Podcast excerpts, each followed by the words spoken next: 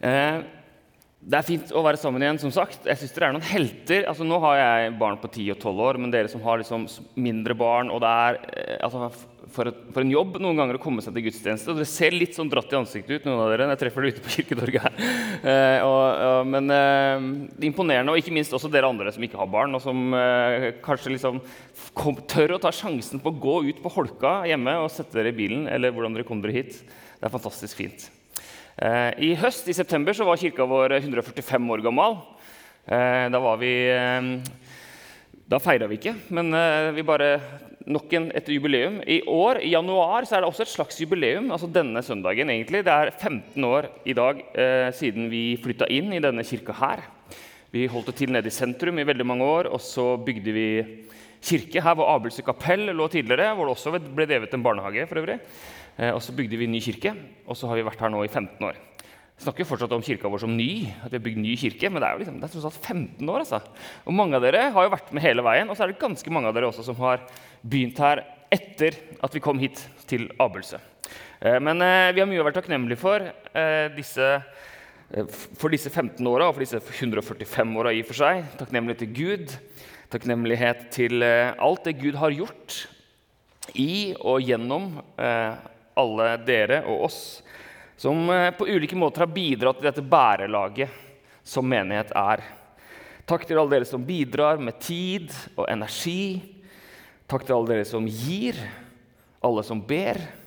Dere som kommer på gudstjeneste som sagt, i pøseregn og holke. Alle dere som gjør flere av disse tingene. Og kanskje i perioder så er det kanskje det eneste du klarer, eh, det er å komme deg til gudstjeneste en gang iblant. Også det er viktig. Og vi er takknemlige for at du kommer, fordi det er ikke det samme uten deg. Vi har, lest, vi har hørt Ida lese en tekst fra Matteus evangeliet. og I kirkeåret, som vi følger litt sånn mer eller mindre har gjort i noen år nå, så har de ulike delene av kirkeåret ulike navn. Og de ulike søndagene, Noen av søndagene har også spesifikke navn. Den tida vi er inne i nå, etter jul, før fasten som kommer i påske, eller før påske, så kalles det åpenbaringstiden. Epiphany. En tid hvor vi kan få lys over det mysteriet som Jesus Kristus er. At han kom. Det mysteriet som evangeliet er. At vi skal få åpenbaring om Kristus og hva Gud har på hjertet og på agendaen sin. Og Denne søndagen kalles Kristi åpenbaringsdag dag. Eh, og Utgangspunktet for denne preken er som sagt Matteus 2. Og Det er jo en tekst som inneholder ganske mange ulike elementer. Og ganske sånn spesielle elementer, egentlig. Jeg vet ikke om dere tenker på det, nesten litt sånn rare elementer. Altså, vi kjenner jo historien som historien om de tre vise menn. Men det står jo for det første ingenting om at det var tre. Det kalles også De tre hellige kongers dag. Feira vi 6. januar og feires i Østkirken spesielt. Men det står heller ingenting om at de var konger. Men man, fortellingene og, som har liksom, altså bygd seg rundt denne fortellingen, og av ulike årsaker så har de fått ulike, har det kommet, altså vokst på seg ulike eh, historier om denne teksten. Disse eh, kongene som har fått navn, som jeg ikke tar på direkten her nå, for det skrev jeg ikke ned, eh, som har med seg gull, røkelse og myrra. Det er en historie som handler om eh, at noen er i Østen eh, og får se en eh, stjerne. Det er stjernetydere. Det er skriftlærde som gransker gamle skrifter. Som finner ut at ja, frelse, frelsekongen kan være født i Betlehem. På slutten av teksten er det drømmer og drømmetydning. og Det ender med at vismennene går en annen vei hjem enn det de hadde tenkt, fordi de får en åpenbaring. Og I forlengelsen av teksten vi har hørt, så eh, utlyser Herodes eh, en, en, ordre om at alle barn under to år skal drepes av frykt for denne konkurrenten. Og Disse tingene skjer sannsynligvis i løpet av en ganske lang tidsperiode. Selv om vi tenker at liksom, okay, det var julaften både i desember, og så er det eh, vismenn i januar. Eh, sannsynligvis var det en, en, viss tid her. Selv om disse eh, vismennene besøker barn, som vi snart skal høre om. Men det er mange innfallsvinkler. og veier inn og ut av denne teksten.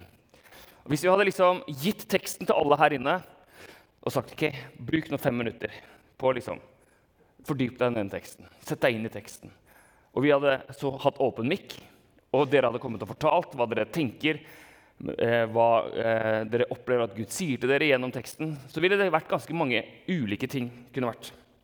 Jeg skal nevne fire, observas fire observasjoner, fire observasjoner sånn, eh, som jeg gjør meg i møte med denne teksten. Eh, den første er at det er, handler om søkende mennesker. Eller observasjonen er søkende mennesker og mennesker som har kunnskap og nysgjerrighet, finner Jesus og kneler for barnet i krybben. Søkende mennesker og mennesker med kunnskap og nysgjerrighet finner Jesus og kneler for barnet i krybben. Disse tre vismennene, hvem var de? Ja, Nå sa jeg tre, men disse vismennene, la oss bare si at det var tre. bare for enkelhets skyld. Hvem var de? Disse magoi, som det heter på gresk som betyr magiker eller astrologer eller drømmetydere. De kommer fra Østen, men mye tyder på at, de, kom fra, at de ikke var så langt unna nødvendigvis. Jeg leste en eh, tekstgjennomgang av Knut Grønnevik hvor han går gjennom en del sånne forskning på en del av de andre religionene rundt Israel på dette tidspunktet. og Han beskriver et område som parterne hadde okkupert, som strakte seg fra Eufrat til Afghanistan. Og disse parterne de holdt seg med magoi, magier, magiere. Det var landets prestekaste, og de forvalta den religiøse arven fra seeren Saratustra. Du trenger ikke å huske dette sånn etterpå hvis du liksom ikke, hvis ikke du allerede tok det navnet. Saratust, ikke sant? Det er ikke så veldig viktig. Eh, men eh, blant hans profetier, så, blant denne seerens profetier så, så listes opp flere profetier som måtte passe veldig godt med juleevangeliehistorien. Jeg skal ikke lese de opp nå, men det er liksom ganske spot on noen av de profetiene som er funnet. Eh, og Det skulle være stjerner som falt ned fra himmelen, det skulle være et, et barn som blir eh, unnfanget og dannet i en jomfrus skjød osv. Disse magierne de hadde peiling på disse profetiene. De var troende. De var også kan man si, dypt inne i sin tids fremste vitenskap. De jobba med å knytte matematikk og nøyaktige stjerneobservasjoner sammen med disse gamle religiøse overleveringene. Og det er funnet leirtavler fra rundt 1000 år før Kristus i dette området som både beskriver noen av disse profetiene om en stor konge som skal komme i vest og bringe fred og glede, det er funnet, funnet leirtavler som viser beregninger av når Jupiter og Saturn skal komme i en viss posisjon som gjør at stjernene blir større osv. Jeg skal ikke kjede dere med detaljene. Men disse vismennene gjorde sånne ting. Og i dag så smiler vi kanskje når vi tenker på deres blanding av astronomi og astrologi, som vi skiller. Men selv i dag så er jo stjernetegn fortsatt en greie ja, Hvilket stjernetegn er du født i? Jeg vet ikke, Det er ikke ofte jeg får det spørsmålet her på Kirketorget. akkurat, Men liksom i den allmenne kulturen så er liksom stjernetegn en greie som har røtter tilbake til disse tradisjonene. Men de var også astrologer. De hadde peiling på stjernene. De hadde navn, de kunne regne seg ut til ulike posisjoner på, på de ulike himmellegemene osv. Og, så og de var helt åpenbart skarpe. De kunne noe. De var tenkere den tids intellektuelle nysgjerrige, kanskje. Og så var de også eh, hedninger, sett med jødiske øyne. Disse tilhørte jo en annen religion. Eh, de tilhørte ikke riktig religion, og de hadde ikke lest de bibelske skriftene. Allikevel så er det, Og de har en ikke-jødisk religiøs erfaring som setter dem på sporet av Jesus. Og De er på sporet av Jesus før de som er nær, og som kan lese Skriftene, og som har lest Skriftene, skjønner hva som skjer. Det er de ikke-jødiske, hedenske, eh, nyreligiøse kan vi kalle det kanskje i vår tid, eller, eller andre religiøse, som setter de som sitter på liksom, fasit. Det er de som setter de på, som sitter på fasit på sporet av hva som skjer. Eh, så hvordan kan man få en åpenbaring om hvem Jesus er på denne Kristi åpenbaringsdag? Ja, en observasjon i denne teksten så er det folk som er nysgjerrige, som søker, og som er opptatt av sin tids Eh, vitenskap.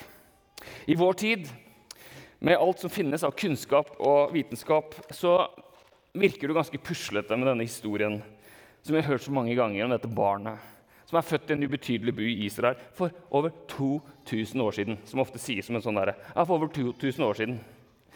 Men likevel igjen og igjen så ser vi i vår tid og gjennom hele historien at de menneskene som kan være verdensledende innenfor sine, sine vitenskapelige disipliner, de bøyer kne for dette barnet.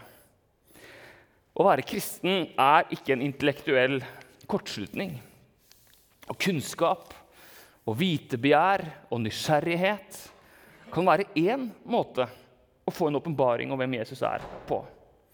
Noen ganger er vi bekymra for folk som stiller spørsmål, eller man begynner på, eh, på studier på universitetet, og så, og så, er det mange som kommer i troskrise. Jeg skal ikke snakke mye om det nå, jeg snakket om det før, men man, man liksom bare Oi, verden var ikke så lett som den var eh, når jeg bare fikk undervisning på søndagsskolen og, og på, liksom, i ungdomsarbeidet. Det var litt mer komplisert. Og hva med, alle disse, eh, eh, hva med all denne vitenskapen? Jeg var med Levi, sønnen min, tolvåringen, i London i fjor på British eh, Museum, altså på historiske eller vitenskapelige museet der. Og når man ser liksom alle, altså jordens, eh, alle disse steinene som er milliarder av år gamle, og du ser liksom evolusjonsteorien og sånn, så er det sånn Hvis du der liksom tenker at ja, men, nei da, men jorda er skapt på 6000, dager, 6000 år siden på 6 dager ganger 24 timer, så ut, altså det er en utfordring. Og hvis man ikke har lært et litt mer tenker at vitenskap og tro kan gå sammen. Det, er liksom det, er ikke konkurranse der, det er sammenfallende. Så kan det bli utfordrende. Nei, hvis du er nysgjerrig, hvis du søker vitenskap, så finner du Jesus. tenker jeg.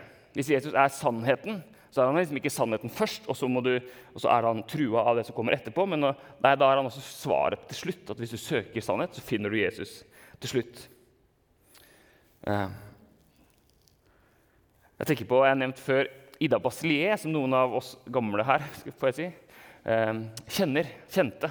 Hun døde når hun var noen og 90 år, gikk i menigheten her, var her hver søndag når hun kunne det. og Siterte alltid Dostojevskij og alle mulige forfattere hun hadde lest eh, opp gjennom livet. og Biblioteket hennes eh, var eh, enormt.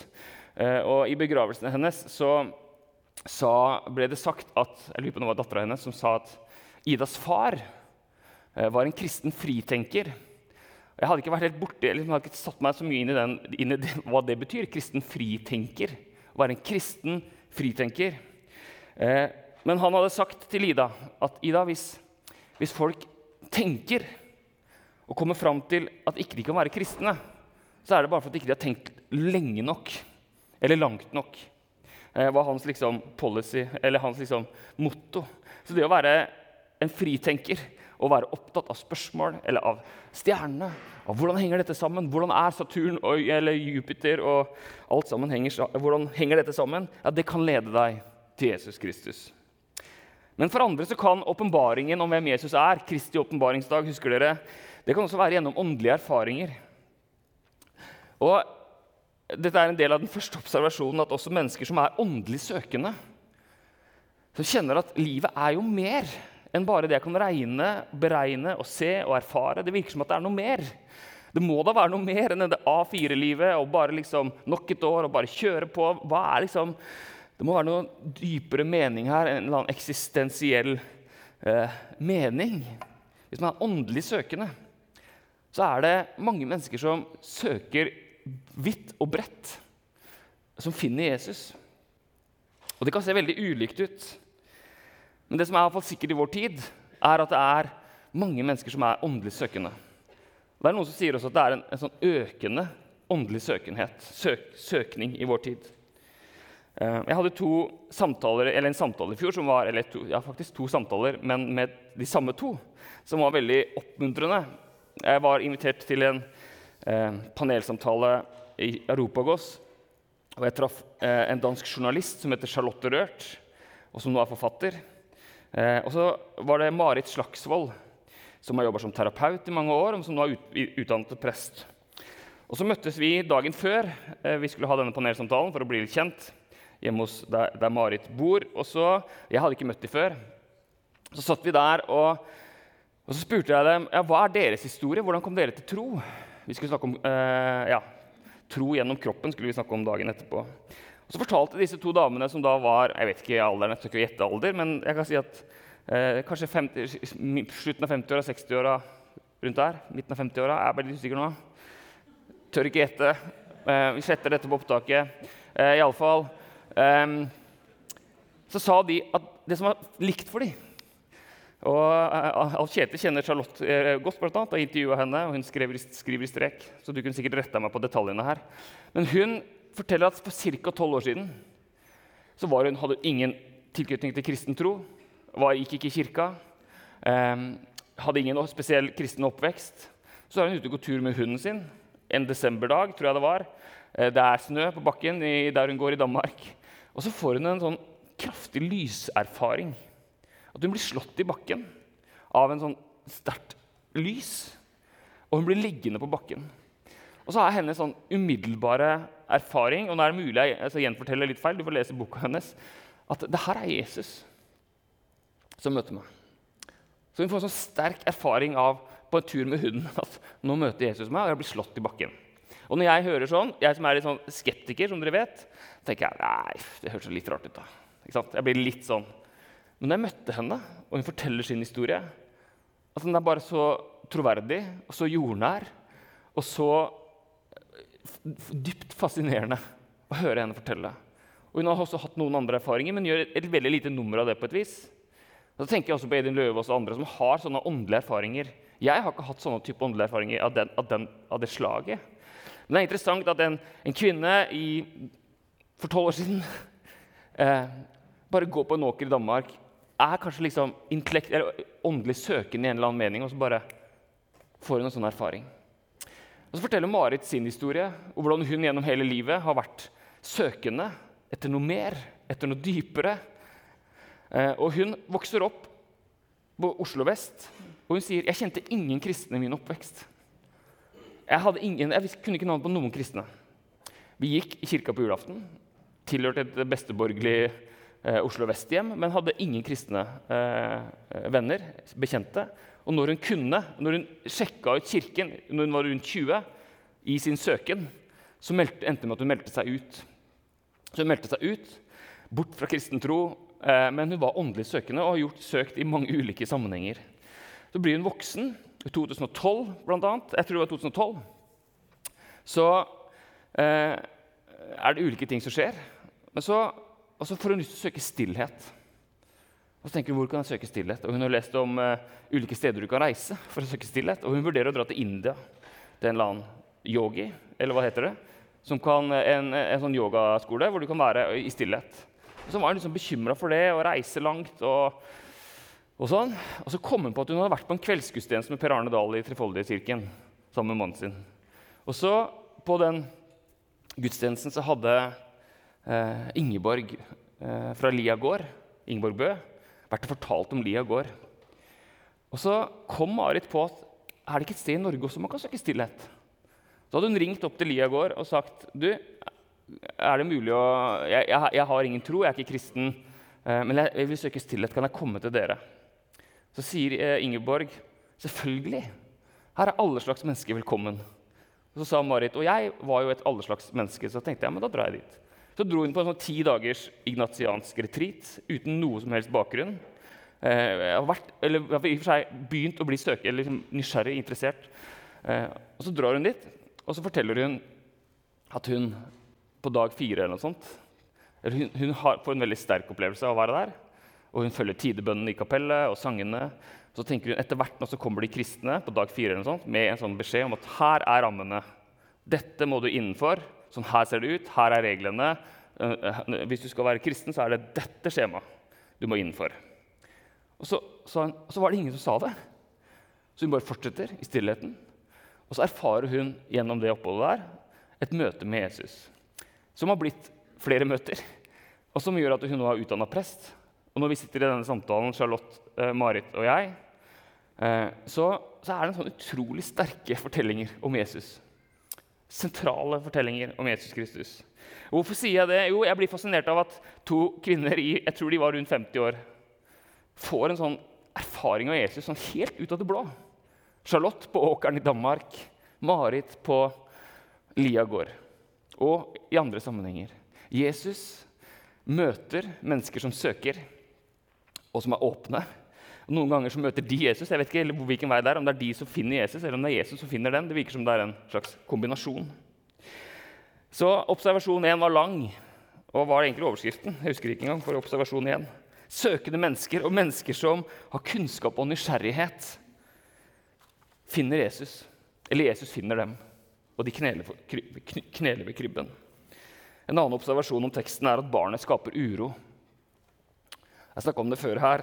Dette barnet som er født i Betlehem, skaper trøbbel og uro.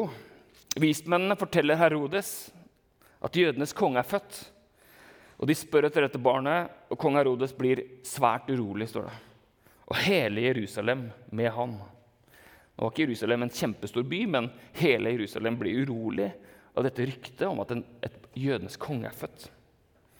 Jesus gjorde folk urolig helt fra start, og han gjør det fortsatt.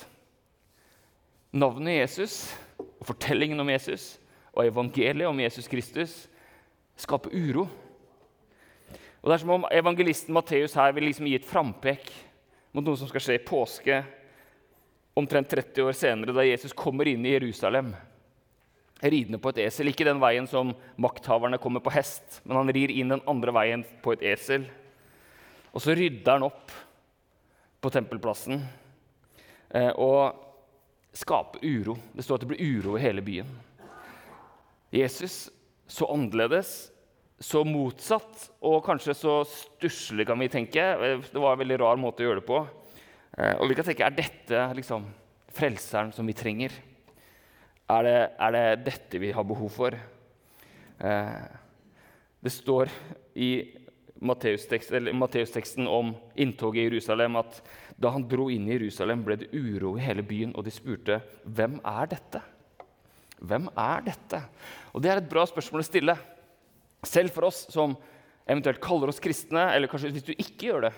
Hvis du ikke tenker at ja, men jeg tror ikke, eller jeg tror ikke så mye, eller ja, men Still spørsmålet hvem er dette?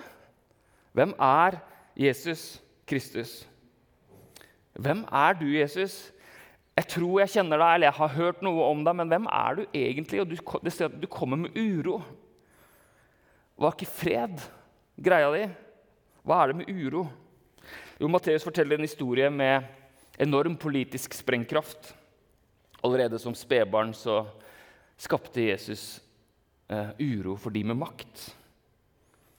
Eh, på den tida var det sånn at de som ble kalt for frelser og herre og Guds sønn, det var jo Romerrikets keiser. Og Så kommer denne lille denne historien. Så kommer disse vismennene og forteller at hei, det er et lite barn som er født. Eh, jødenes konge. Og de bare Hva skjer? Er det en ny konge? Et barn er født i Betlehem. Og det er et problem for Herodes. Og som jeg sa, etterpå så beordrer han alle barn under to år eh, om å bli tatt livet av de første kan man si, eh, martyrene. Disse barna. Men et barn som liksom skal være et frelser, som liksom skal være en frelser, og som etterpå senere dør på et kors, det virker jo litt stusslig på et vis. Er det dette vi trenger? Vi som, har, vi som bor i Vesten, som har så gode verdier, demokrati og menneskerettigheter og vitenskap og teknologi og rikdom, hva skal vi med denne historien? Men man trenger ikke være despot eller hersker eller drive et autoritært regime for å la seg utfordre av Jesus. Vi trenger Jesus som frelser, som den som kommer med lys og med håp. Og jeg kjenner også at jeg trenger Jesus som utfordrer, som jeg har sagt mange ganger. Jeg trenger Jesus som utfordrer. At han utfordrer meg. Og Hvis du har møtt Jesus, eller tror du kjenner Jesus, og det eneste Jesus gjør, er å bekrefte alt du trodde eller alt du mente, eller alt du er, så kan det hende du egentlig ikke har møtt Jesus. Fordi jeg tror Jesus møter oss, og så elsker han oss, sønder oss sammen. Og så utfordrer han oss, så du kjenner sånn OK, det er et eller annet her jeg må gjøre. Eller ta imot. Jesus skaper uro, men på en måte som bare han kan. Han holder deg fast og elsker deg. Jeg så for meg et slags bilde når jeg forberedte meg, eh, om at vi alle er på en vei. Det er dagen for en vandring. Disse går en lang vei, disse vismennene eh, fra Østen. Så går de. Så ser jeg for meg at alle vi går på hver vår vei. Så så jeg for meg Jesus ligge, at Jesusbarnet ligge i en liten bylt sånn, i, i, i, kanten av veien. Altså Når vi går på vår vei, i vårt liv, vår hverdag, så ligger Jesusbarnet der. Og så er det sånn OK, hva skal jeg gjøre med dette?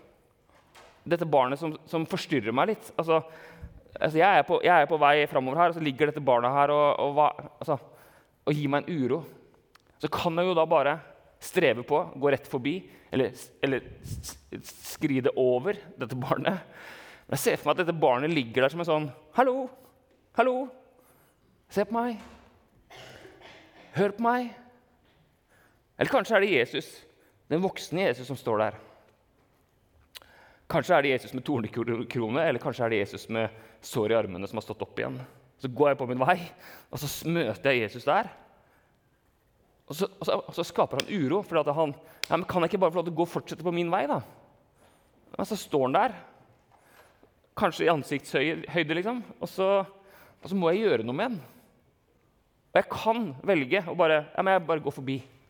Og så sier Jesus OK. Eh, men jeg kan også stoppe opp, se Jesus i øynene og så, si Jesus, hva er, du, hva er det du har til meg? Hva er det du vil si til meg? Hva er det jeg trenger å høre? Hva er det du mener at jeg har behov for? Altså Denne Jesus langs veien, eller i veien, Jesus som er i veien, eh, og som skaper uro. Eh, den gode formen for uro, vil jeg si, eller som leder til et godt sted. Jesus er i veien og forstyrrer og skaper uro, dette lille barnet. Observasjon nummer tre hvem er det som kommer til dette barnet? Jo, det er oss. Det er alle, alle som vil, kommer til dette barnet.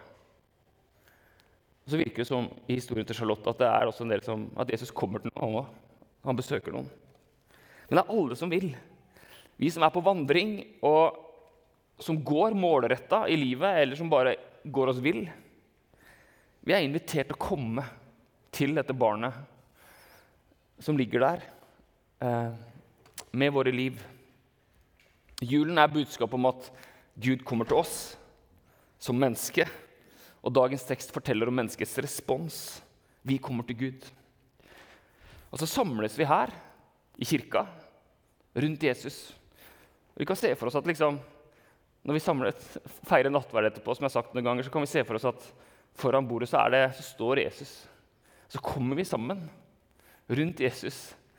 Eh, fra alle mulige veier, alle mulige steder, alle mulige liv og historier og situasjoner. Og så samles vi rundt barnet. Jesus Kristus. Og som vi sier i vår hensiktsformulering her i kirka, vi er alle mulige slags mennesker i fellesskap rundt Jesus. Og så ser vi rundt oss her nå, hvis du ser litt rundt da, så ser vi ganske like ut. Men våre liv er ganske forskjellige. Og det er sjelden man kan se på utsida hva som viser seg, eller hva som er sant på innsida. Vismennene kom til Jesus med gull, røkelse og myrra. Og vi kan komme med all vår livsglede og begeistring og takknemlighet.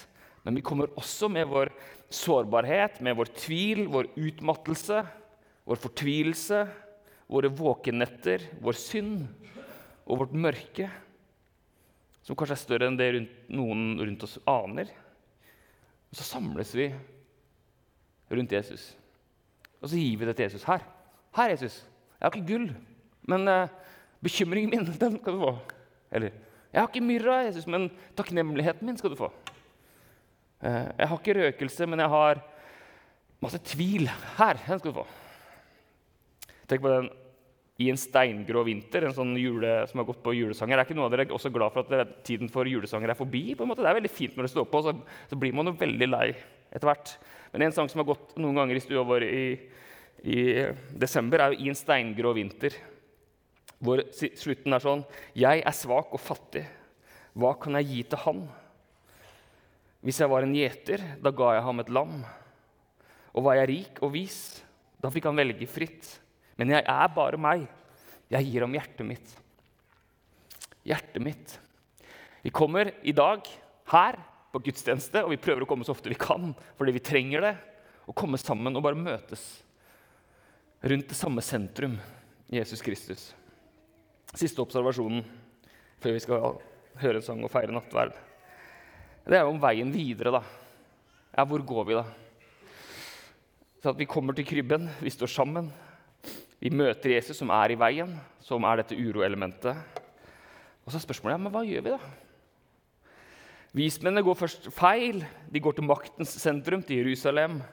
Er kongen her? Det er naturlig at han er i Jerusalem.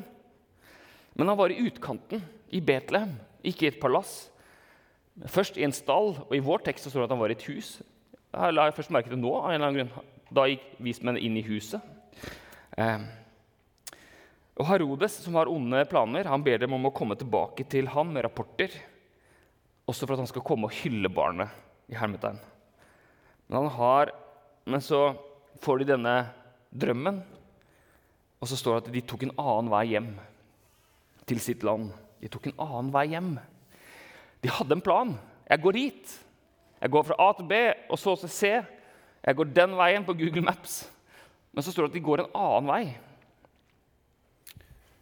Kanskje kan vi si at vår frelser ble redda pga. hellig ulydighet. De motsatte seg makten. Ja, jeg hører hvor du sier jeg vil gå, men jeg går en annen vei. Eh, og Kanskje er det sånn at du i dag tenker ikke 2023, jeg har denne planen. Jeg skal gå her, gå dit. Så kanskje Kanskje du skal gå en annen vei? Kanskje det er noe annet som skal skje? Er du åpen?